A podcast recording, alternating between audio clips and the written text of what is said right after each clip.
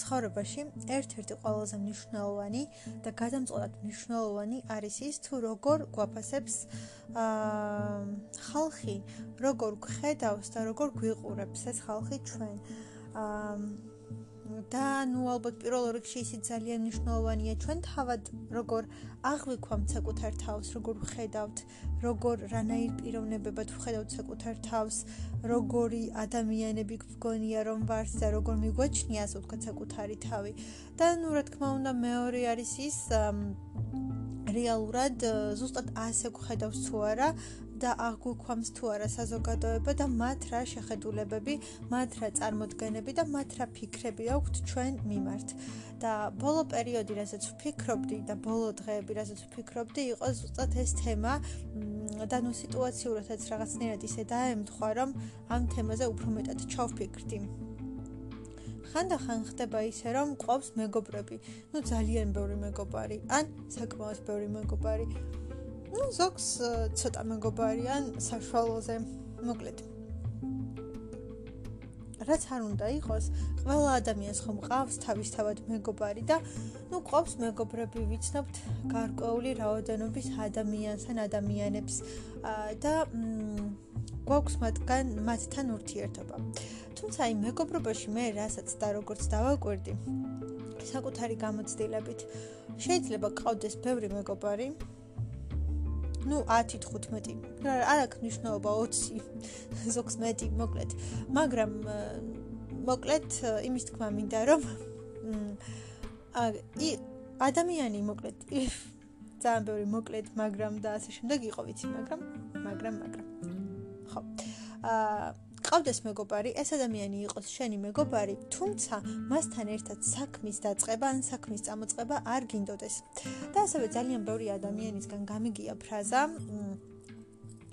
რომ ეს მეგობართან საქმის დაწყება არ ღირს და ნუ რომ ეს ცუდია და რომ ეს მაინც ყველაფერს აფუჭებს, როდესაც უკვე ბიზნესად იქცევა, როდესაც საქმედ იქცევა, როდესაც ფულს შეეხება საქმე და ფულის ეკითხებს შეეხება და ნუ გამონათქვამებიც არსებობს ამასთან დაკავშირებით და პირადი გამოცდილებებიც და ასე შემდეგ და ასე შემდეგ, რომ საბოლოო ჯამში მეგობარსაც კარგავ, ურთიერთობაც ფუჭდება, ბიზნესიც ისეთი ვერ გამოდის და ნუ ჯობია ან უცხო ადამიანთან გააკეთო ეს ყველაფერი, ან შენით გააკეთო, იმიტომ რომ მეგობრობა ერთი არის, მაგრამ აი უკვე საქმეში როგორები ვართ, იმიტომ რომ მე თუ მე თუ მკითხავ და ზოგადად ჩემი აზრით ყველა ადამიანს გააჩნია სხვადასხვანაირი მე და ხშირად მithkoms ხოლმე რომ აი ადამიანი მაგალითად არის ძალიან კარგი მეგობარი და ყველას აქვს მართლა წარმოდგენა რომ ეს ადამიანი როგორი კარგია და როგორი მაგარია.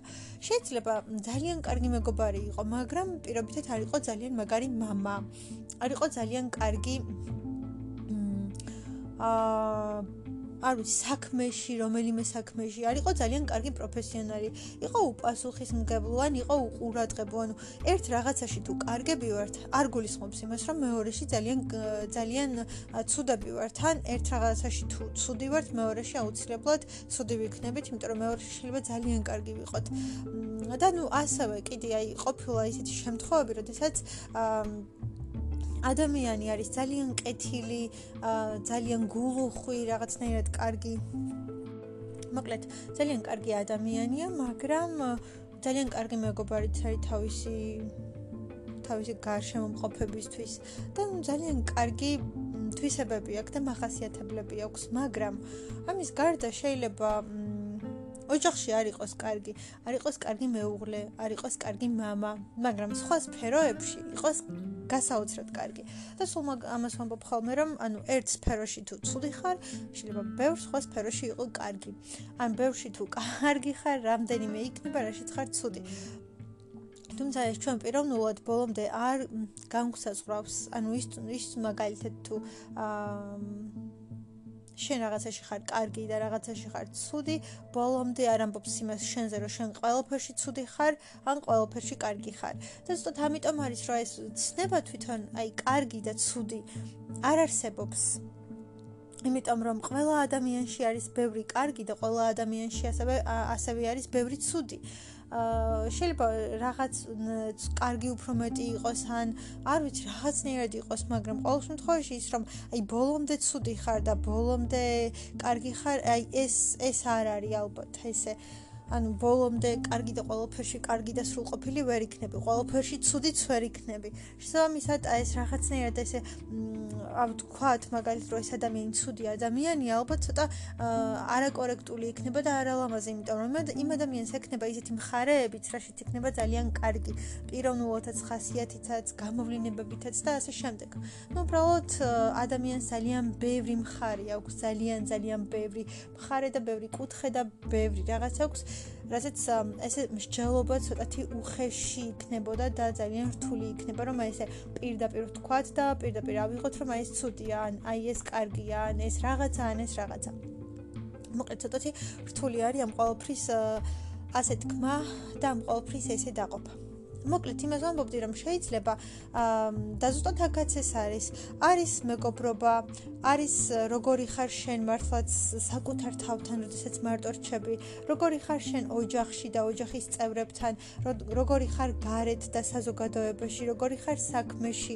როგორი ხარ არ ვიცი სწავლაში? როგორი ხარ იქ? როგორი ხარ აქ? აი ძალიან ბევრი ბევრი სფერო არსებობს ცხოვრებაში და ამ თითოეულ სფეროში ჩვენ ვავლენთ თავს და ყველა მათგანში სხვადასხვანაირად ვავლენთ და ის რომ ადამიანი შენი მეგობარია და შენი ძალიან კარგი მეგობარია, კარგად გესმის, კარგად ესმის, კარგი ურთიერთობა გაქვთ და ძალიან გიყვართ ერთმანეთი, არ ნიშნავს იმას, რომ საქმეშიც აუცილებლად ასევე შეეწყობით ერთმანეთს, იმიტომ რომ იქ სხვა თვისებებს ვავლენთ კიდევ, რომელიც ჩვენთვის აქამდე უცნობი და დაფარულია და მხოლოდ მაშინ გამჟღავნდება და მხოლოდ მაშინ გამოჩნდება ეს ყველაფერი, თუ ამას გავაკეთებთ.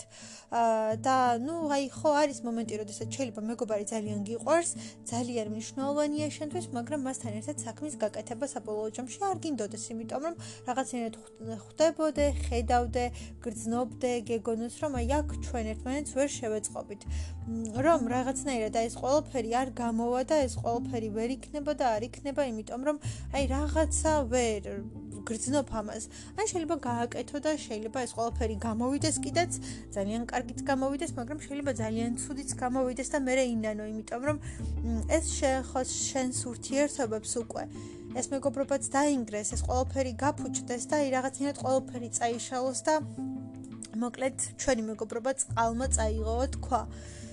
და ერთ-ერთი ბლოგერი ზუსტად რომელიც მე ძალიან მომწონს, მიყვარს პატივცემ, მასაც ქონდა დადებული ადრე საკუთარი გამოცდილებიდან, რომ მეგობართან ერთად გააკეთა რაღაც საქმე, მგონი რაღაც ბიზნესი და აი ზუსტად ეს გამოცდილება ქონდა გაზიარებული, რომ ადამიანები რომ ამბობენ და გვეუბნებიან, რომ მეგობართან ერთად არ გააკეთო საქმე და არ გააკეთო ბიზნესი, რამდენად მართალია, იმიტომ რომ ну თან მე მგონი კიდე აქ ქონდა მოშველიებული ვიღაცის ნათქვამი გამონათქვამი და ისეც ამ თემასთან დაკავშირებით ბევრი გამონათქვამი და ბევრი ფრაზა და ბევრი რაღაც არსებობს და ну ეს ქონდა კიდე მოშველიებული რომ რამდენად სიმართლე და ჭირშმარიტება არის ის რომ ჯობია უცხო ადამიანთან წამოიწყოს საქმე აა იმიტომ რომ ის ისე უცხო არის შენთვის თუ გამოგივათ ძალიან კარგად გამოგივათ და საქმეში დამეგობრება ჯობია ვიდრე უკვე მეგობრის დაკარგვა საქმის გამო.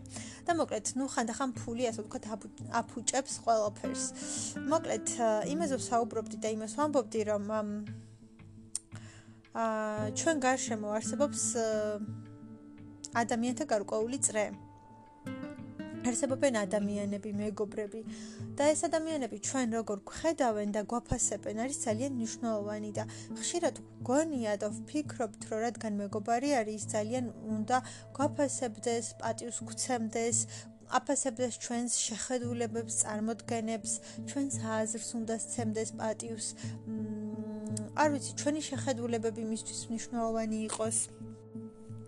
მოკლედ, ხშირად გვგონია და ვფიქრობთ, რომ ეს ადამიანები უნდა გვაფასებდნენ ჩვენს აზრებს, წარმოდგენებს, შეხედულებებს, ჩვენი რაღაც მნიშვნელოვანი უნდა იყოს მათთვის, უნდა გვაფასებდეს როგორც უნდაც პროფესიონალს რაღაცის და ჩვენი იმედი უნდა ჰქონდეს და არ ვიცი როცა რაღაც შესაძლებლობები ან რაღაც ვარიანტები ან რაღაცები გამოჩნდება, აი ჩვენ უნდა ხედავდეს ან მოგვიაზრებდეს ან ვახსენდებოდეთ ან რაღაცაებად გვეხმარებოდეს საქმეში, რაღაცაში, რაღაცაში, მაგრამ ხანდახან ესე არ ხდება. ხანდახან ისინი ხედავთ რომ ბოლომდე არ გვაფასებენ, ან ისი არ გვაფასებენ მთლად როგორც ჩვენ გვინდა რომ გვაფასებდნენ და ისი არ გხედავენ ბოლომდე როგორც ჩვენ გვინდა რომ გხედავდნენ და მოკლედ შეიძლება რომ ცოტათი ცოტათი ასე ვთქვათ იმედ იმედ გაცრუებაც გქონდეს, მაგრამ შეიძლება საუკეთესო ვარიანტებიც იყოს. მოკლედ მე პირადად რასაც რასაც შევეჯახე და შევეჩეხე იყო ის რომ ну მე და ჩემი მეგობრები ვართ ერთი და იგივე საქმით და საქმიანობით დაკავებულები და რატომღაც რომ დავფიქრდი ესე ერთმანეთს მაინც და მაინც არ ვეხმარებით იმ კუთხით რომ ანუ შეგვიძლია ასე ვთქვათ გავუგზავნოთ ასე ვთქვათ ერთმანეთს ხალხი რა მოკლედ. და ამას ხშირად არ ვაკეთებთ და არ ვშვებით. და თითქოს ერთმანეთს რაღაცნაირად არ ვასაპორტებთ და არ არ ვუდგავართ თითქოს ერთმანეთს ბოლომდე მხარში თუ გვერდით არ ვუდგავართ მოკლედ. და ეს რაღაცნაირად ძალიან საწყენია და ძალიან ძალიან გულსადკენია, იმიტომ რომ რაღაც მომენტში რომ ფიქრდები, უი, რა ცუდია, რომ ამას არ ვაკეთებთ, ანუ რა გამოდის, რომ ჩვენ ერთმანეთს არ ვენდობით, რომ ერთმანეთის არ გვჯერა და რომ ერთმანეთის არ გვწამს და რომ მე მგონია, რომ ის არ არის არც ისეთი კარგი, ან არც ისეთი მაგარი, ან მას არ ვენდობი, ან არ ვიცი, არ მგონია, რომ ძალიან მაგარია თავის საქმეში და ნამდვილად კარგი პროფესიონალია და საქმე ზუსტად ისე აკეთებს აკეთებს როგორც უნდა აკეთებდეს და მოკლედ მე მისი იმედი არ მაქვს. მომას არ ვენდობი მე მე მგონია რომ ის არ არის ეკმარისად კარგი თუ რა რატომ არ ვაკეთებ ხო ამ ყოველფერს და მე რაღაცნაირად ცოტათი ცუდი შეგრძნებაა ის, რომ აი რატო არ ხდება ესე. როდესაც შეიძლება რომ ასე ხდებოდეს და რაღაცა უსიამოვნო შეგრძნებასავით არის, მაგრამ მეორე კუთხით რომ ფიქრობ, ხვდები იმას, რომ ზოგადად მეგობრები ერთმანეთს არირჩევენ, ერთმანეთს თავისი საქმიანობის ან პროფესიონალიზმის კუთხით, ხო? ჩვენ ერთმანეთს ვირჩევთ, იმიტომ რომ ერთად ყოფნა მოგწონს, ერთმანეთს კარგად ვეწყობით, ხასიათებით, თვისებები ერთმანეთს ვუგებთ, ერთმანეთს რაღაც მხარში ვუდგავართ და რაღაც რაღაც. მაგრამ არა იმის გამო რომ იშენ რა მაგარი პროფესიონალი ხარ, ან რა მაგარი საქმიანობა გაქვს, ან რა კაი შემოსავალი გაქვს, ან რაღაცა და მოდი ახლა შენი მეგობარი ვიქნები. ну თუ ასეთ შემთხვევაში ხდება მეგობრობა, ალბათ იქ სხვა ინტერესები უფრო მეტად არის, ვიდრე ის რომ პიროვნება ან და ადამიანი და ინდივიდი. აა და ну ასევე აღმოვაჩინე რომ აა ხანდახან სხვა ადამიანები უფრო მეტად გვით განანგვერდით და უფრო მეტად გვაფასებენ ჩვენ იმ ყოველფრით, რასაც ან როგორც ვაკეთებთ, ვიდრე აი ის ძალიან ასე ვთქვათ ახლო ანუ ახლოესი წრე. და ზოგადად რო დავფიქრდი, ხშირ შემთხვევაში ახლო წრე ეს ნაკლებად ვაინტერესებთ ხოლმე. ისედაც რომ დავფიქრდე, იმიტომ რომ მათ ყოველთვის აქვთ იმის განცდა, იმის შეგრძნება და იმის ფიქრი, რომ ისინი შენ ბოლომდე გიცნობენ, აბსოლუტურად გიცნობენ და ყველაფერი იციან შენზე. აი მაგალითად, ნუ ჩემი გამოცდილებით აა მე როდესაც მქონდა ბლოგი, გვერდი, პოდკასტი, აი ეს ჩემი მეგობრები ამას არ უსმენდნენ ან არ აინტერესებდა თან არ კითხულობდნენ და განა იმიტომ რომ რაღაც უბრალოდ მათ მიაჩნიათ რომ შენ ძალიან კარგად გიცნობენ ან საუკეთესოდ გიცნობენ ან შენზე ყველაფერი იციან და შენი შეხედულებებით ან წარმოდგენებით ან ეს ყველაფერი იციან და ჯობია რომ ეს ყველაფერი ასე ვთქვათ როცა ერთად იქნებით მაშინ უთხრა ან გაუზიარო ან მოუყვე ან არ ვიცი როგორც არის ვიდრე ის რომ დადგეს და ეხა გისმინოს იმიტომ რომ ზოგადად აი ეს მოსმენი ის მიყოლის, გაყოლის და დაფოლოვების მომენტი უფრო გვაქვს ხოლმე მეგობრებთან. აა მეგობრებთან კი არა, უცხო ადამიანებთან, იმიტომ რომ ის უცხო არის, შენთვის უცნობია, არიცი, არიცნობ უფრო მეტი პატივისცემით განიმშვალები. იმიტომ რომ თითქოს თუ იცნობ, აი რაღაცნაირი ძალიან ცუდი დამოკიდებულება გვაქვს. მე ვიტყოდი რომ ძალიან უხეში, იმიტომ რომ თითქოს აი რაღაცა აი ხა ამან რა უნდა თქვას, აი ხლა ამან რა უნდა რაღაც აი თითქოს რაღაცნაირად ყველაფერი ფერმკრთალდება და თითქოს ყველაფერი იშლება, იმიტომ რომ რაღაცა აი ახლო არის და იმიტომ რა აი რაღაცა იცნობ და ძალიან ასე ვთქვა ჩინაურია და რაღაცნაირად სხვა დამოკიდებულება გვიჩნდება და უფრო სხვა სხვა იმითი ვართ განწყობით და უფრო სხვა დამოკიდებულებით. და ამ შემთხვევაში აი სხვა უცხო ადამიანები უფრო მეტად გვაფასებენ ხოლმე და უფრო მეტად გვცემენ პატივს და უფრო მეტად გვაფასებენ თუ რავი ვუყვარ ვართან კეთილ განწყობილები არიან ან უფრო უნდათ რომ გაგვიცნონ ან უფრო უნდათ რომ რაღაცა ვიდრე ეს ნაცნობი ადამიანები და ჩვენ გარშემო მყოფი ადამიანები იმიტომ რომ მათთვის რაღაცნაირად თითქოს უინტერესო ხვდებით და თითქოს რაღაც მომენტში დროის კარგვასთანაც შეიძლება შეიძლება იყოს ის გაიგივებული, რომ ეხა დაჭდეს და მაგალითად ნახევარი საათი გისმინოს შენ. მაშინ როცა იგივე რაღაც შეიძლება სხვა ადამიანისთვის აბსოლუტურად საინტერესო იყოს, მისაღები იყოს და უბრალოდ მოსწონდეს, უნდოდეს, დაინტერესებული იყოს, ასე ვთქვათ, შენით. აა მაგრამ იმის გამოცდილებაც მქონია, აი გვერდიდან, ბლოგიდან, იქიდან, აქედან, როდესაც ეს უცხო ადამიანები მაგალითად მოდიან, წერენ და როდესაც ასე ვთქვათ, გაგიცნობენ, რაღაცნაირად ინტერესი იკარგება.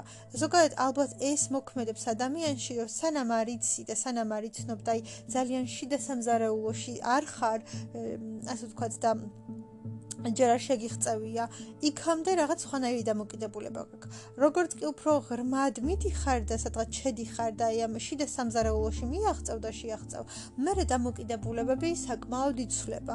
და შენი წარმოდგენებით და შენი რაღაცებით იმდენად იცვლება, რომ აი მოკლედ ყველაფერი რაღაცნაირად ცვალებადობას განიცდის და ყველაფერი რაღაცნაირად ყირავდება. თითქოს იმიტომ, რომ იქამდე სხვანაირად იყავი, ეხლა სხვანაირად ხარ და მოკლედ ეს ძალიან განსხვავდება ხდება ხოლმე. ნუ რაც რაც რა თქმა უნდა, ჩემი აზრით ძალიან საინტერესოა რატომ ხდება ასე, მაგრამ ნუ ხო, როცა ადამიანი ძალიან ახლოა, ახლობელია გონია რომ ყოველფერი იცი მას.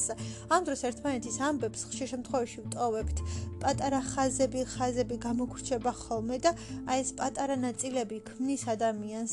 აი თუნდაც მისი ინტერესები, მისი რაღაცა, რაღაცა ის რა რატო უყვარს, რატო აკეთებს ამას და თუ შენ გინდა რომ ბოლომდე ახლოს იყო იმ ადამიანთან და ბოლომდე იცნობდე, აი ესეთი პატარა დეტალები თავისუფლად უნდა დაინტერესდა. და ხო ნუ მოკლედ იმაზე ვფიქრობდი რომ აი ეს უცხო ადამიანები ხანდახან უფრო მეტად გვაფასებენ და უფრო მეტად პატევს გვცემენ ან უფრო მეტად კეთილგანწყობილები არიან ჩვენ მიმართ და უფრო მეტად გვიდგანან გვერდით და გვეხმარებიან ვიდრე ის ძალიან ახლოს მყოფი ადამიანები, იმიტომ რომ თითქოს აი რაღაცა იმედგაცრუებას აწყდები. რა თქმა უნდა, ყოველ ყოველთვის ასე არ არის და ყოველთვის ასე ფიზიკურად ვერ მოხდება და არის შემთხვევები და არის მომენტები, როდესაც პირიქით, ანუ იმდენად მყარი და იმდენად ძალიან მაგარი სამეგობროა ან რაღაც იმდენად კარგი წრი არის ეს, რომ ერთმანეთს ბოლომდე და აბსოლუტურად უდგანან გვერდით და ერთმანეთთან არიან და ერთმანეთის ასე ვთქვათ, გვერდით არიან ყოველთვის და ნებისმიერი გზით და ხერხით და მოკლედ ყველანაირად ეხმარებიან ერთმანეთს, მაგრამ საქმე ის არის, რომ უბრალოდ ფლოპარეკობ და საუბრობთ იმ შემთხვევებზე, როდესაც ყოველთვის ასე არ ხდება. აა და ხო არ ვიცი, უბრალოდ მე თუ კარგად დაფიქრდები, ხვდები იმასაც, რომ აა ანუ რას უნდა დააკვირდე? და რას უნდა მიაქციო თითქოს ყურადღება. ანუ გიდგას თუ არა ეს ადამიანი ყოველთვის მხარში, არის თუ არა ეს ადამიანი ყოველთვის შენ გვერდით. აინტერესებს თუ არა შენი ყველაფერი. შენი ყოველდღიურობა, აი დღეს რა მოხდა, როგორ ჩაიარა შენმა დღემ, უწრულმანესი დეტალებიც. კი რო აი ყველაფერი იცოდეს და არაფერი არ გამორჩეს და არაფერი არ დაიკარგოს. ნუ კი მესმის ის ფაქტიც, რომ დღევანდელ ცხოვრებაში ეს დეტალებში ყველაფერი ცოტა რთულია, იმიტომ რომ ცხოვრება იმდენად რაღაცნაირი ტემპი არის და იმდენად დატვირთული არის ყველა ადამიანი და თავისი საქმე აქვს, რომ ხანდახან ახლა ნებისმიერი ადამიანის ძალიან წრომანი დეტალებისთვის ვერ უცლით, მაგრამ მაინც რომ დაფიქრდე სადღაც, ყოველთვის არიან ჩვენ გვერდით ის ადამიანები, რომლებსაც წერთ და რომლებსაც წერთ აი დღეში რამდენჯერმე მაინც ან რაღაცა და აი ამ პატარ-პატარა მომენტებში თუნდაც იმერთ საათში შეგიძლია რომ რაღაცები უფრო მეტად იკითხო, რაღაცებით უფრო მეტად დაინტერესდე, რაღაცებში უფრო მეტად ჩახვიდე, რაღაცები უფრო მეტად გაშალო ასე ვთქვათ და აი ეს რაღაცა უფრო მეტად ყურადღებიანი იყო, უფრო მეტად გამომხატველი იყო, უფრო მეტად თბილი იყო. უბრალოდ აგრძნობინო იმ ადამიანს, რომ გაინტერესებს, გიყვარს, გეძვირფასება, რომ ის შენთვის მნიშვნელოვანია. ხო, არ ვიცი, კიდე ალბათ ვაკვირდებით იმას, რამდენად გვაფასებენ ეს ადამიანები, ჩვენ გარშემო მყოფი ადამიანები, უახლოესი წრე რამდენად გვაფასებს, იმიტომ რომ ეს ძალიან მნიშვნელოვანი არის. შენი ყველაზე ახლო გარემოცვა და შენი მეგობრები თუ ბოლომდე არ გაფასებენ და გხედავენ, ცოტათი მტკივნეულია და ცოტათი რთულიც არის. ასევე მნიშვნელოვანია რა ადგილი გვიყავია ჩვენ მათ ცხოვრებაში და თუ დავაკვირდებით აი რა ადგილას ვართ და ისინი რა ადგილს იკავებენ ჩვენ ცხოვრებაში და ზოგადად მათ თვალში როგორი ვართ, როგორ გხედავენ და ხო რა ადგილს ვიკავებთ. გვენდობიან თუ არა, გვაფასებენ თუ არა, აფასებენ თუ არა ჩვენს აზრს, ჩვენს შეხედულებებს, წარმოდგენებს, როდესაც რაღაცას ვურჩევთ, იღებენ თუ არა ჩვენ რჩევას, ან აინტერესებთ თუ არა საერთოდ ჩვენი რჩევა და რამდენად ითვალისწინებენ, რამდენად ღირებულად ამფასეულად თვლიან მათ. აქვთ თუ არა ჩვენი იმედი, როცა რაიმე უჭირთ და როცა რაღაცა ისეთი ისეთი მომენტის წინაშე დგებიან, რომ აი რაღაც ძალიან მნიშვნელოვანია. რამდენად საიმედო ადამიანები ვართ ჩვენ მათთვის და რამდენად საიმედოები არიან ისინი ჩვენთვის. რამდენად ვფიქრობთ, რომ აი ხა მე რო რაღაც გამიჭirdეს მე რო რაღაც დამჭirdეს, ის ნამდვილად ის უეჭველად და ყველა ვარიანტი ჩემთან და ჩემ გვერდით იქნება, იმიტომ რომ სხვანაირად გამორიცხულია. რამდენად გვაფასებენ როგორც პიროვნებას, როგორც მეგობარს, როგორც პროფესიონალს. მივაჩნივართ თუ არა კარგად, ან რამდენად კარგად მივაჩნივართ.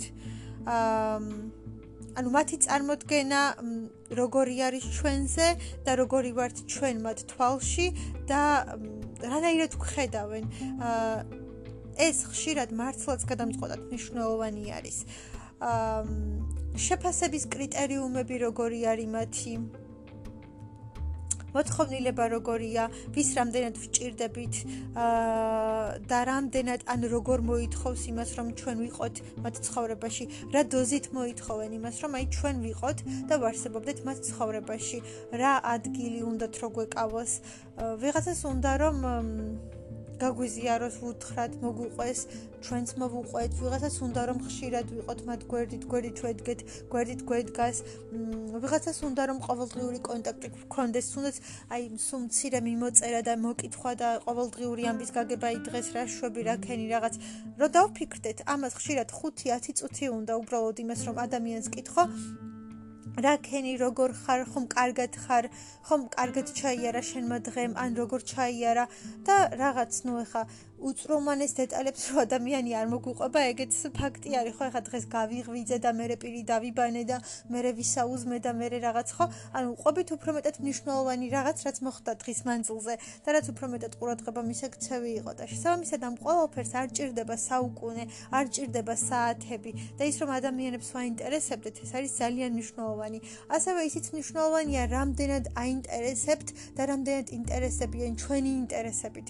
რამდენად საინტერესო საინტერესოა ჩვენი ინტერესები მათთვის და არის თუ არა ეს ყველაფერი მისაღები. აა ასევე ხო ნუ გადამწყვეტად მნიშვნელოვანი არის მართლაც ის თუ რა წარმოქმნა აქვთ მათ ჩვენზე და აი როგორები ვართ ჩვენ მათ თვალში, როგორ გხედავენ, როგორ აღგვიქვამენ, როგორ გვაფასებენ, როგორებს გხედავენ და რამდენად პატივს გვცემენ და რამდენად აი მნიშვნელოვანები ვართ, აი წონა როგორი გვაქვს მათ თვალში. კარგი წონა გვაქვს თუ საერთოდ არანაირი წონა არ გვაქვს. არ ვიცი, უნდა დავაკვირდეთ ალბათ დაფასების და შეფასების კრიტერიუმებს, აი, როგორ გვაფასებენ, როგორი არის მათი შეფასების კრიტერიუმები, რატომ ხედავენ ასე ან რატომ არ ხედავენ უფრო კარგად. მოთხოვნილებები, აი, ვის რამდენად სჭირდება, რომ აი, რამდენად უნდა ვიყოთ მათ გვერდით. მთელი დღე უნდა ვიყოთ, ცოტა უნდა ვიყოთ, საერთოდ არ ვიყოთ, კვირაში ერთხელ შეგვეხმიანება თუ ერთ თვეში ერთხელ შეგვეხმიანება, ესეც ხომ ძალიან ბევრს ამბობს. არის ადამიანი, ვინც ყოველდღიურად გვეხმიანება და სჭირდება რომ ვიყოთ მათ გვერდით. მაგრამ არის ადამიანი, რომელიც არ გვეხმიანება. ასევე ხო, ანუ შეგვიძლია დავაკვირდეთ როგორ და რას ყვებიან ისინი სხვებთან, რა თქმა უნდა ჩვენზე, როგორ ლაპარაკობენ ჩვენზე სხვა ადამიანებთან, როგორ ყვებიან ჩვენზე ამბებს.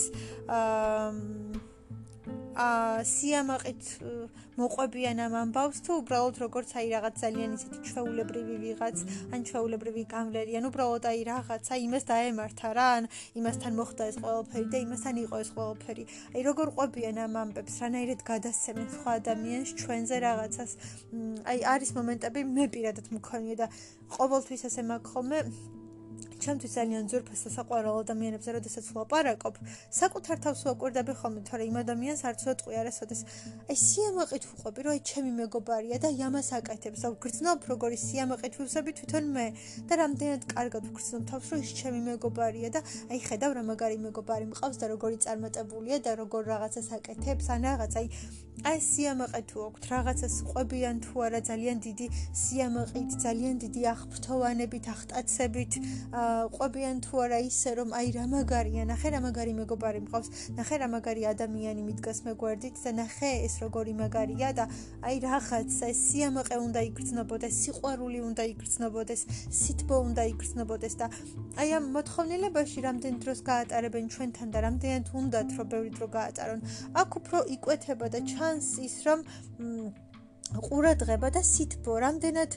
ხო ვინც გიყვარს და ვინც ძალიან გეძურფასება და გჭირდება თავისთავად გაქვს მოთხოვნილება და თავისთავად ჩნდება ეს ყველაფერი რომ შენ გინდა რომ ის ადამიანი ძალიან ახლოს იყოს შენთან და შენ ცხოვრებაში ძალიან დიდ როლს იკავებდეს დიდ დროს გითმობდეს უთმობდე ბევრ დროს ატარებდეთ ერთად არ ვიცი, კიდევ ალბათ მნიშვნელოვანი არის ის, რომ ვართ თუ არა პირველი ადამიანები, ვინც გაახსენდებათ, ვისაც მოუყვებიან თავის ამბავს, კარგს, ცუდს, აი, ვისაც პირველს გააგებინებენ თავისი ცხოვრების ყველაზე მნიშვნელოვან მომენტებს, ამბებს, ვისაც აი მოუყვებიან რაღაც რო შეემთხვევათ, დაემართებათ რაღაც რომ გადახდებათ, აი, ვართ თუ არა ის ადამიანი, ვისაც პირველი დაურეკავს და პირველი ეტყვის, რომ აი ეს მოხდა და ეს დამემართა, ან აი რაღაც, აი ეს გავაკეთე, ამას მივახციე, კარგი იქნება, ცუდი არ აქვს მნიშვნელობა, აი, ვართ თუ არა ის ადამიანი, ვინც პირველივე გაახსენდება, ან პირველ პირველი ხუთეული მაინც იქნება მის გონებაში ეს ძალიან მნიშვნელოვანია და ბევრ რაღაცას გვეტყვის და ბევრს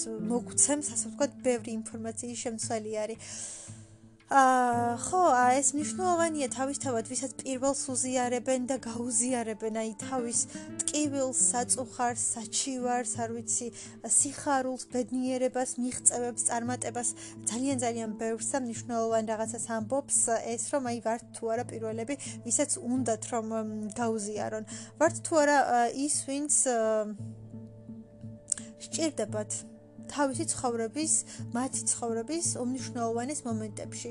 აი, რაღაც ძალიან მნიშვნელოვანი ხდება, რაღაც ძალიან ძვირფასი ხდება, ან ძალიან გადამწყვეტი ხდება, მნიშვნელოვანიან, აი რაღაცა ძალიან სერიოზულ გასაუბრებაზე მიდის, რაღაცაზე მიდის, ვართ თუ არა ის ადამიანი, ვინც უნდათ რომ იმ წუთას მის გვერდით იყვნენ, ვინც დაეხმარება, ვინც გაყვება თუნდაც, ვინც მის გვერდით იქნება ამ მომენტში და ვინც უბრალოდ სჭირდება, რომ გვერდით ედგეს რაღაცნაირად იმედია, დამშვიდება, თანადგომა, რაღაცა არის და აი ვართ თუ არა ის ადამიანი, ვინც იმ წუთას უნდათ და სჭირდებათ, რომ იყოს მათ გვერდის, გვერდით.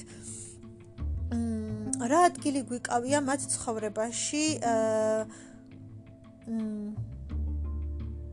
რა ადგილი გვაქვს და საერთოდ აი როგორ როგორი მნიშვნელობა გვაქვს, რამდენად ზურფასები და მნიშვნელოვანები ვართ, რა ფუნქციას ვასრულებთ, ან რა როლი გვაქვს და რა დატვირთვა გაგვაჩნია საერთოდ ვართ თუ არა ის უნიშნაოვანესი, ვის გარეშეც ვერ გაძლებენ და ვერ იქნებიან და ვინც მართლაც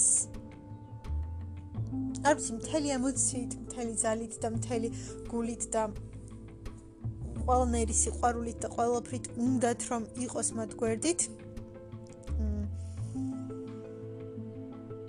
და ვინც სჭირდებათ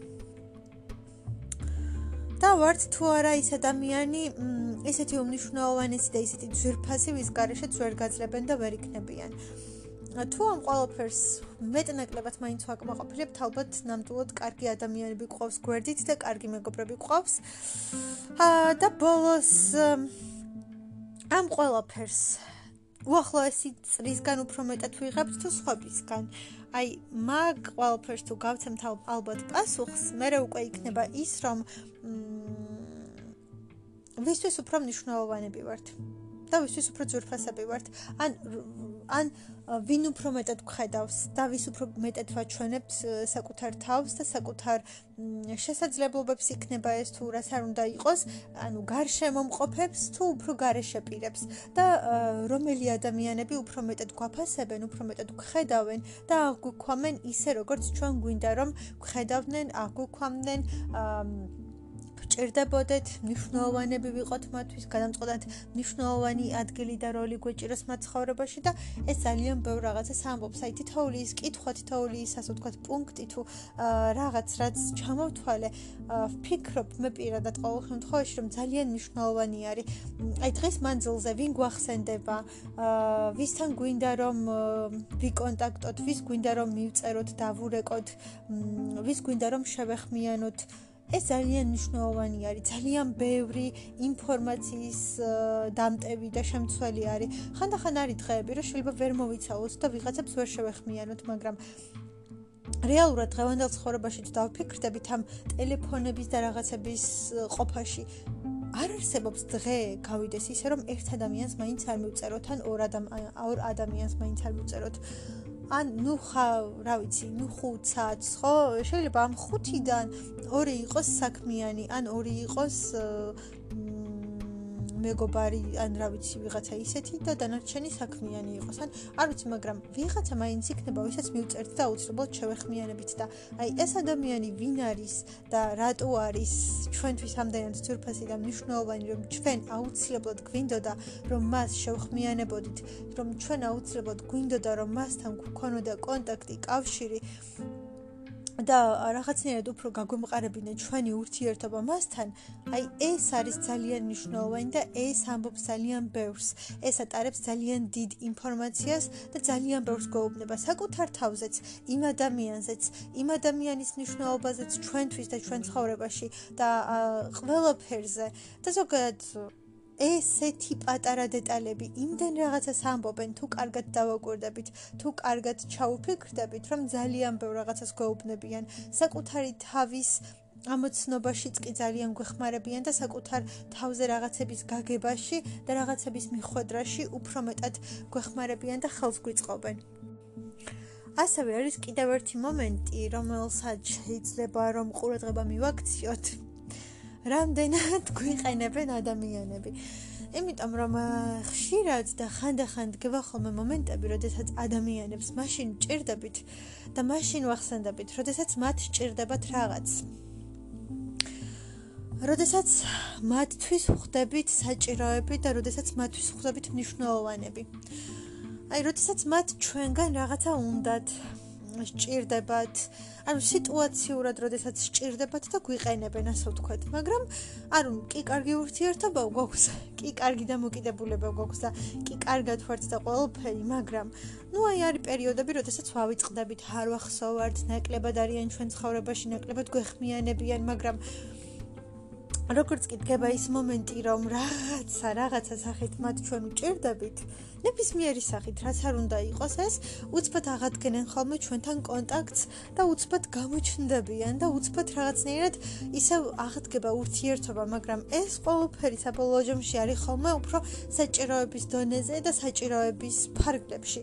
და მაგ დროს ალბათ რა თქმა უნდა, ეხა ეს რაღაც შეიძლება ჩვენც აღვადგინოთ ეს ურთიერთობა და უფრო გავაღრმავოთ, მაგრამ მაგის მიღმა არის ის, რომ როდესაც ეს სიტუაცია, ასე ვთქვათ, დამთავრდება, ის ურთიერთობაც თავისავად ისევ დამთავრდება და იგივენაირად გაგრძელდება, როგორც იყო იქამდე. იმიტომ რომ ეს არ ყოფილა რაღაცა სიღრმისეული, ეს არ ყოფილა რაღაცა უფრო მეტად საჭირო ან მნიშვნელოვანი მისთვის და უბრალოდ მოხდა, იმიტომ რომ მას ასე სჭირდებოდა, მისთვის ასე იყო უფრო მეტად მოსახერხებელი ან საჭირო. ან რაღაც მსგავსი, ყოველ შემთხვევაში იმის გამო არ მომხდარა და იმის გამო არ ყოფილა, რომ ჩვენ ამ ადამიანს სჭირდებით მის ცხოვრებაში. აა უბრალოდ ხო თუმცა ასეთი ურთიერთობები, ასეთი მეგობრობები და ასეთი კონტაქტებიც არსებობს და საკმაოდ ბევრია, როდესაც ადამიანს სჭირდებით, იმიტომ რომ ამ ეტაპზე მისთვის საჭირო ვართ, ამ ეტაპზე რაღაცა რაღაცა ბენეფიტებს იღებს მოკლედ ამ ურთიერთობიდან, მაგრამ საქმე ის არის, როდესაც ეს გარემოებების ან სიტუაციების გამოხდება, როგორც კი ეს გარემოებები და სიტუაციები კვდება, ეს ყველაფერი წკვდება და სადღაც უჩინარდება. ამიტომ ის არის კიდევ მნიშვნელოვანი, რომ განსაზღვროთ და ერთმანეთისაგან გავმიჯნოთ, რომელი არის ნამდვილად ღირებული, ნამდვილად ფასეული და ჭეშმარიტი, ასე ვთქვათ, და ძალიან მნიშვნელოვანი ურთიერთობა ჩვენთვის და ჩვენ ცხოვრებაში და რომელი არის უბრალოდ აი ესეთი გაფანტული, ფრაგმენტული რაღაცნაირად სიღრმეს და რაღაცას მოკლებული ურთიერთობა და აი რომელი ურთიერთობა რა ადგილს იკავებს, რომელ ურთიერთობას რა ფასი და რა მნიშვნელობა აქვს და რომელი ურთიერთობა ღირს ჩვენთვის და ჩვენი ცხოვრებისთვის და რომელი ურთიერთობა არ ღირს ჩვენი ურთიერთობისთვის კი არა ცხოვრებისთვის. რა თქმა უნდა, ურთიერთობები არ უნდა გავწყვიტოთ. ზოგადად ცხოვრებაში რაც უფრო მეტი ურთიერთობა გექნება და რაც უფრო მეტად მყარი, მჭიდრო და კარგი ურთიერთობა გექნება და კონტაქტი გექნება, კარგი. და რაც უფრო ნაკლებ ადამიანს დაკარგავს საერთოდ ცხოვრებაში და ცხოვრების მანძილზე, ეს უკეთესი არის, იმიტომ რომ ვინ როდის დაგჭირდება, ოღონდ ის გამოყენების დონეზეც არ არის, თუმცა უბრალოდ, ანუ რატომ უნდა გქონდეს რომელიმე ადამიანთან ცუდი ურთიერთობა? რატომ უნდა დაშორდე რომელიმე ადამიანს ცუდად?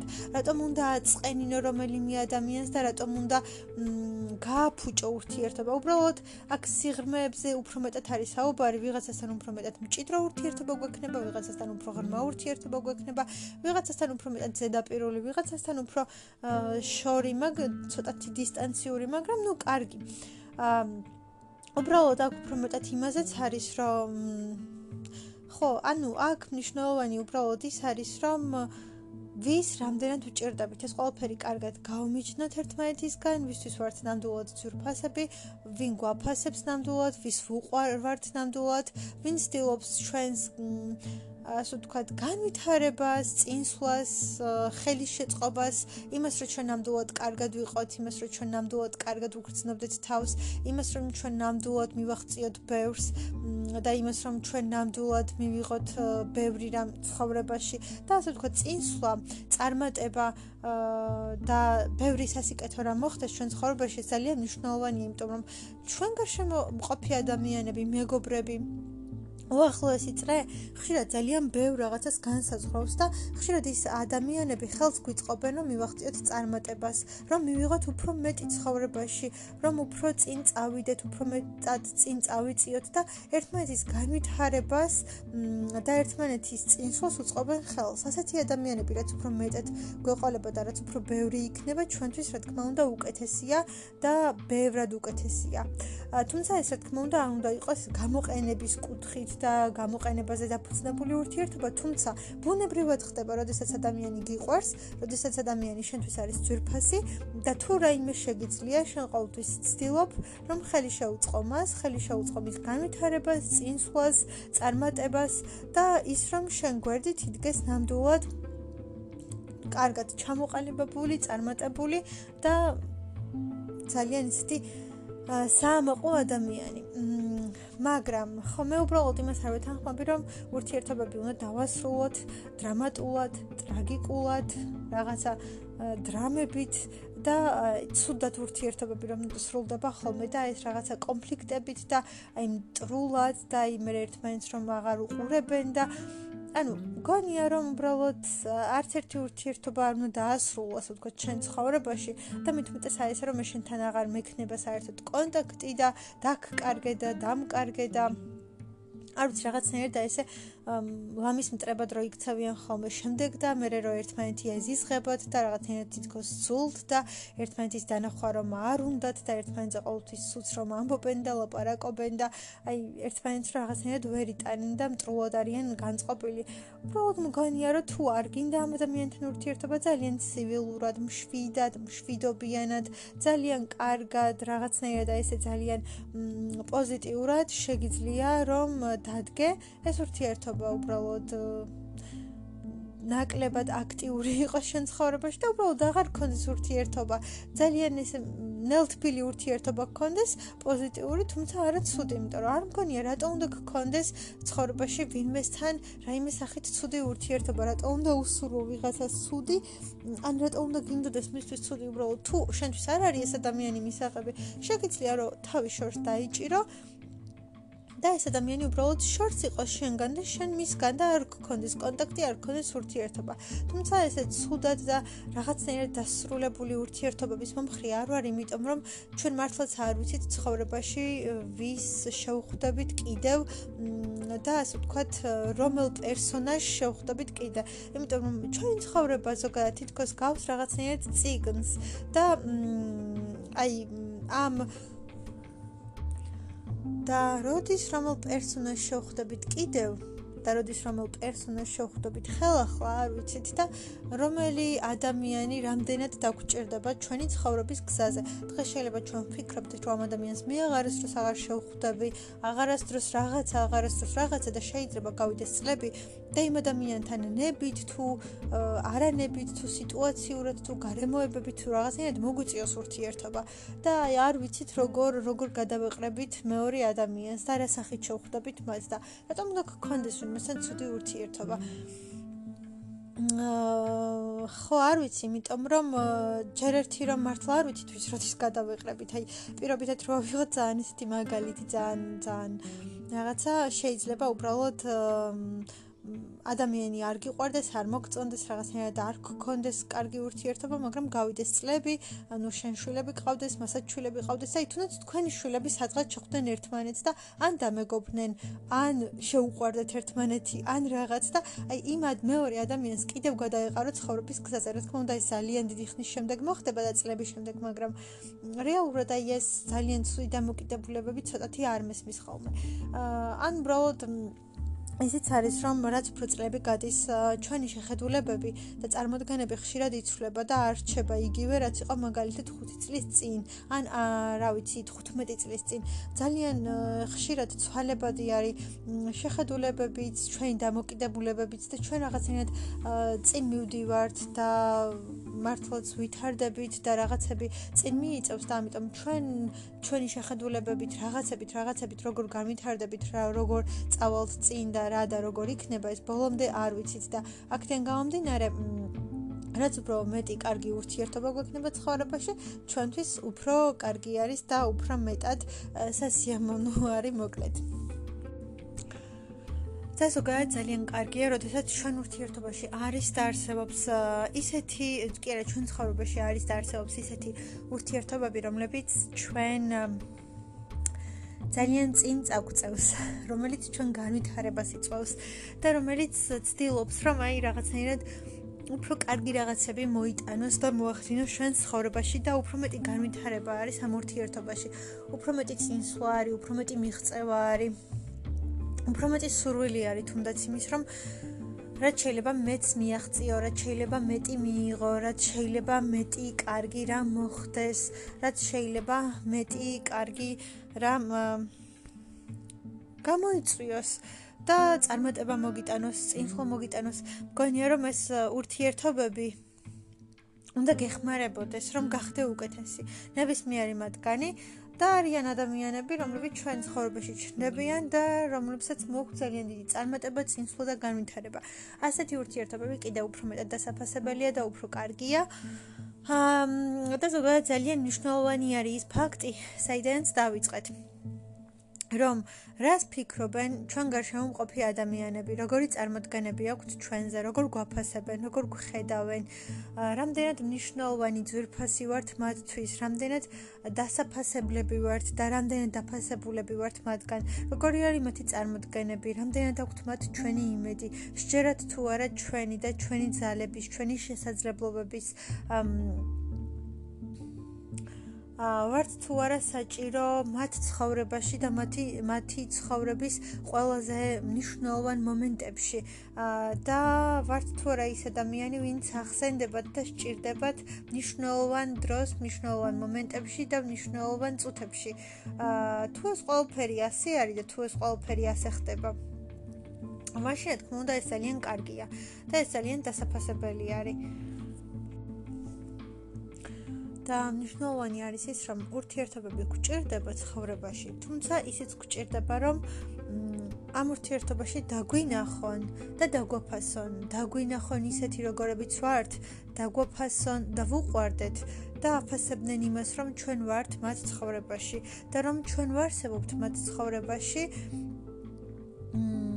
და ეს ყველაფერი ეძურფასებოდეთ, უბრალოდ ჩვენი ყოფნა, ჩვენი არსებობა და ჩვენ ყველანაირად პიროვნულად თვისებებით ხასიათით იმით ამით ყველაფრით და ვუყვარდეთ და გვაფასებდნენ იმიტომ რომ ჩვენ თუ ურთიერთობაში მთლიანად ვდებთ ჩვენ ზალებს ენერგიას სიყვარულს სითბოს ყურადღებას ყველაფერს ეს ყველაფერი და ეს ძალიან დიდი ენერგია არის ზოგადად არ მგონია რომ სიყვარულზე უფრო მეტი და უფრო დიდი ენერგია ან ძალა არსებობდეს და აი ზუსტად ეს ენერგია რომელსაც ჩვენ აქ ვდებთ ის ყველაფერი რასაც ჩვენ აქ ვანაწილებთ ის ყველაფერი რაც ჩვენ აქ ჩავდეთ და რაც გვინდოდა რომ ყოფილიყო ეს ყველაფერი უნდა დაგვიბრუნდეს უკან. განა ის რომ ჩვენ მოვითხოვდეთ და რაღაც არა უბრალოდ ეს ყველაფერი თავისთავად უკან უნდა გვიბრუნდებოდეს და ის ყველაფერი რასაც ჩვენ ამ ურთიერთობაში ვაკეთებთ და ის ყველაფერი, რასაც ჩვენ ამ ურთიერთობაში ვდებთ, უნდა იყოს დაფასებული, უნდა იყოს უნდა იყოს რაღაცნაირად სა ანუ თავის საფეხურზე უნდა იდგეს, თავისი ადგილი უნდა კონდეს და თუ ის საერთოდ არ არის დაფასებული და უბრალოდ მას იყენებენ და უბრალოდ გონიათ რომ ეს ასეც უნდა იყოს და ეს ასეც უნდა ხდებოდეს, გონია რომ ამ ურთიერთობებიდან უნდა წამოვიდეთ და ნელ-ნელა უნდა გამოვეცალოთ ამ ურთიერთობას, იმიტომ რომ აქ ნამდვილად ვერც სამომავლოდ ვერ დაგვინახავენ და ვერც სამომავლოდ დააფასებენ იმას, რასაც ვერ ვერ ხედავენ დღეს და ვერ აფასებენ. სა სავარაუდოდ ვერც ვერასდროს ვერ დაინახავენ და დააფასებენ, იმიტომ რომ შეიძლება ადამიანი არის უბრალოდ ასეთი, ვინც ამ ყოველფერს არ აფასებს ან არ ეძურფასება და უბრალოდ ვერ ხედავს და ვერ ამჩნევს ამის ფასს. ამიტომ თუ ადამიანთან უკვე საკმარისად დახარჯე დრო და ენერგია და წლები და თუ ვერაფერი ვერ დაინახა, ის ვერც საომალოდ ვერ დაინახავს და რა თქმა უნდა უკვე ის ვთქვი რომ ეს რაღაც დაშორებები და რაღაცები არ უნდა იყოს, რა ეხა მე შენ დემონსტრაციულად გამოხვიდე და გშორდები და აი რაღაც ასეთი გამოსვლები არა, უბრალოდ აი თავისთავად გაანელოთ ურთიერთობა და თავისთავად დაშორდეთ, ან რაღაცნაირად უბრალოდ შორს დაიჭიროთ, რა თითქოს თავი განა ის რომ ცუდ ურთიერთობაში ან ცუდ დამოკიდებულებაში. არა, უბრალოდ ნაკლები ურთიერთობა, ნაკლები კონტაქტი, ნაკლები შემხებლობა და ნაკლები რაღაცა, იმიტომ რომ აქ შენ არ გხედავენ და არ გაფასებენ და არაფრად არ უღირხარ და ურთიერთობები სადაც შენ იმ მეორე ადამიანს არაფრად არ უღირხარ, აა შენც არ უნდა გიღირდეს, იმიტომ რომ შენ გასცემ, გასცემ, გასცემ და ამას ვერ იღებ და ჯობს ეს ყველაფერი იქ გასცე და იქ ჩადო, სადაც ამას დაინახავენ და აფასებენ, სადაც ეს ყველაფერი ეყარებათ, სადაც ეს მნიშვნელოვანი იქნება, სადაც ეს დასაფასებელი იქნება, სადაც ეს უღირს და აი რაღაცნაირად ისინიც გასცემენ, შენ რო გასცემ და შენ რო აკეთებ, ისიც ანალოგიურად გასცემს და აკეთებს და ხედავ რომ მისთვის ეს ყველაფერი ძვირფა ფასია და კიდევ ვფიქრობ იმას, რომ ცხოვრების ნებისმიერ ეტაპზე ჩვენ გავდივართ რაღაც საფეხურებს. შეიძლება ეს დავყოთ 5 წლიან ციკლად, ან 10 წლიან ციკლად, ან 15 წლიან ციკლად, ან 20 წლიან ციკლად. ზოგადად ციკლები მე მგონი ბევრნაირად შეგვიძლია დავყოთ და თითოეულ მათგანში სხვადასხვანაირი გამოვლინებები იქნება, მაგრამ სულ მცირე რომ ავიღოთ აი ესე 5 წლიანი ციკლები, ხომ? ჩვენ ყოველთვის ვიცვლებით და ვითარდებით. და ყოველი რაღაცა ციკლის გასვლის შემდეგ, ან რამდენი რამდენიმე მათგანის გასვლის შემდეგ შეიძლება აღმოვაჩინოთ, რომ ადამიანები, რომლებთანაც აქამდე ვიყავით, რომლებთანაც ურთიერთობდით, რომლებთანაც გქონდა რაღაცა კავშირი, კონტაქტი, ურთიერთობა, რომლებთანაც გქონდა ეს რაღაცა ძალიან დიდი სიმჭიდროვე და არ ვიცი, ყველაფრად ღირდა ჩვენ ცხოვრებაში, თითქოს ამ ადამიანებმა თავი ამოწურეს. ან ჩვენც ამოვწურეთ საკუთარი თავი, ან უბრალოდ სამყაროს მიერ ეს ურთიერთობა აღარ არის საჭირო და აღარ აღიქმება და აღარ ითვლება იმათ, რომელიც რაღაცას გაძლევს, ან რომელიც რაღაცას გასცემს, ან იღებს. შესაბამისად, თითქოს ეს ურთიერთობა უნდა მორჩეს და უნდა დასრულდეს, რომ შენ ახალი ურთიერთობები იპოვო, ახალი ადამიანები იპოვო და ახალ რაღაცებში აღმოჩნდე, ახალ რაღაცებში გახვიდე, იმიტომ რომ აქ განვითარება აღარ არის. და აქ ამ ურთიერთობას შენთვის აღარაფერი აღარ მოაქვს. არანაირი წინსვლა, არანაირი რაღაც განვითარება შეიძლება შენ შეიცვალე, ისიც შეიცვალა, თქვენი ინტერესები შეიცვალა, დამოკიდებულებები შეიცვალა. ყველანაირად სხვანაირი გახდი შენ და ყველანაირად სხვანაირი გახდა ის. აღარ არის არანაირი საერთო ინტერესი, აღარ არის არანაირად საერთო რაღაც და როგორც არ უნდა ვილაპარაკოთ თითოეული დღე, თითოეული დღე და თითოეული წამი ცვლის ადამიანს, ყველაფერი გცვლის, თითოეული დღე გცვლის. რეალურად ეცვა ფიქრობთ, რომ თითქოს ეხა ეს დღე რო გავიდა, მე ისევ ისეთი ვარ, რეალურად არა, ჩვენ არ ვართ ისეთები, როგორებიც ვიყავით. ეს უბრალოდ იმდენად შინაგანი და იმდენად შიდა ცვლილებებია, რომ რომლებსაც ჩვენ ვერც ხვდებით, ვერც აღვქვამთ, ვერც ვიგებთ, მაგრამ რეალურად ვიცვლებით. იქ რაღაცა მოხდება პატარა, იქ რაღაცას გაიგებ პატარას, ის რაღაცნაირად იმოქმედებს შენზე, ის რაღაცნაირად შეგცვლის, ის რაღაცნაირად შეგიცვლის რაღაცა შენ ცხოვრებაში და შენ უკვე იცვლები, ნელ-ნელა ვითარდები და რაღაცნაირად სხვა საფეხურზე გადადიხარ და თავისთავად ნელ-ნელა იცვლები, ნელ-ნელა ხდება მთელი ეს ყველაფერი და მთელი ეს პროცესი შენში და შესაბამისად შენ აღარ ხარ ისეთი როგორიც აქამდე იყავი. ეს თითქოს ბუნებრივიც არის მაგრამ ასევე ასევე არის ის, რომ ჩვენ აი ამ რაღაც ციკლების გასვლის შემდეგ, ან რამდენიმე მათგანის შემდეგ გვამჩნევთ, რომ ამ ყოველფერს აღარ ვეკუთვნით, აი აქ აღარ ვართ. ისინი სხვაგან არიან, ჩვენ სხვაგან ვდგავართ, ან ჩვენ უფრო თითქოს ამ ყოველფერზე მაღლა ვდგავართ უკვე, ან ჩვენ უკვე ამ ყოველფერს აღარ ვეკუთვნით. ზოგჯერ გრძნობ, რომ ეს ყოველფერი ის თითქოს ისევ იქ დარჩა, იგივე ინტერესებია, იგივე იგივე რაღაცები არის რა თითქოს აი რაც სულ იყო და აი შენ გრძნობ რომ ეს ყველაფერი რაღაცნაირად მოგბეზრდა რაღაცნაირად ყელში ამოგივიდა აღარ გაინტერესებს ამ ყველაფერს აღარ ეკუთვნი ამ ყველაფერში აღარ ხარ და ამ ყველაფრით აღარ ინტერესდები და ნუ მოკლედ ამ ყველაფერს შენ უკვე აღარ ეკუთვნი და შესაბამისად თითქოს ამ ყველაფერს ეცლები და ამ ყველაფრიდან გამოდიხარ და გინდა რომ სხვაგან წახვიდე ან უბრალოდ ხო რა ვიცი უბრალოდ შეიძლება იყოს რომ ერთი ადამიანი უფრო მეტად განვითარდა ვიდრე მეორე შეიძლება იყოს ის, რომ უბრალოდ სხვადასხვანაირად განვითარდნენ, თუმცა ორივე განვითარდა. არის ხოლმე სიტუაციები, როდესაც რაღაცა ინტერესების სფერო ან რაღაცის სფერო არ იცვლება, უბრალოდ შენ იმაში მიდიხარ უფრო მეტად ღრმად, ან უფრო მეტად სიღრმისეულად, თუმცა რაღაც ყოველ შემთხვევაში ეს რაღაცა ცვლილებები ხდება, ათასნაირი ცვლილება შეიძლება მოხდეს. უბრალოდ შენ შეიძლება გრძნობდე, რომ ამ ყველაფერს უკვე აღარ ეკუთვნი, ამ ყველაფერში და ამ ყველაფერთან აღარ ხარ და ეს ყველაფერი აღარ არის ის რა ჩვენთვის ოდესღაც იყო. და შენ უბრალოდ ხვდები რომ აქედან უნდა წამოხვიდე, უნდა წამოხვიდე უბრალოდ იმიტომ რომ აქ შენი ადგილი აღარ არის. და შენ რო ნახო უფრო მეტი, ან შენ რო ნახო უფრო მეტი განვითარება, ან უფრო მეტი წარმატება ან წინსვლა უნდა წამოხვიდე და შესაბამისად მოვლენები, რაღაცები, რაღაცები ხდება ზუსტად იმიტომ და ხდება ზუსტად იმისთვის, რომ შენ აქედან წამოხვიდე, შენ უბრალოდ მიხვიდე იმ ეტაპამდე, მიხვიდე იმ მდგომარეობამდე, როდესაც მიხვდები, რომ მე უნდა წამოვიდე.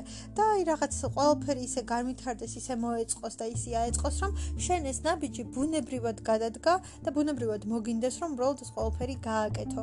და ნუ მოკლედ ყველაფერი ისე იყოს, ყველაფერი ისე აეწყოს, რომ ბუნებრივად ასე გამოვიდეს. და ეს ყველაფერი მოხდეს არა იმიტომ რომ შენ ცუდად იყო. ან შენ ცუდად იგრძნო თავი ან შენ რაღაცნაირად ამ ყველაფრით შეიბოჭო ან უბრალოდ არასასიამოვნოდ გრძნობდე თავს ან რაღაც მსგავსი პროცესები მიდიოდეს არა ამიტომ. არამედ იმიტომ რომ შენ სხვა რამ გჭირდება და შენ ცხოვრების ამ ეტაპზე სხვა რაღაცები არის საჭირო რომ მოხდეს შენ ცხოვრებაში სხვა სივრცეში, სხვა გარემოში, სხვა ადამიანებთან უნდა მოხვდე, სხვაგან უნდა ამოყო თავი და ამიტომაც შენაკიდან უნდა წახვიდე, შენაკიდან უნდა გამოხვიდე და იმ სხვა რაღაცასთან ასე ვთქვათ მიხვიდე და ის სხვა რაღაც უნდა იპოვო აუცილებლად, იმიტომ რომ ის არის შენთვის საჭირო და თუ არა ეს ყველაფერი და თუ არ მოხდება ეს ყველაფერი და თუ ეს ასე არ განვითარდება და ასე არ მოეწყობა, შენ სხვანაირად რაღაცა არ გახდები იძულებული რომ ადგე წამოხვიდე და სხვაგან მიხვიდე.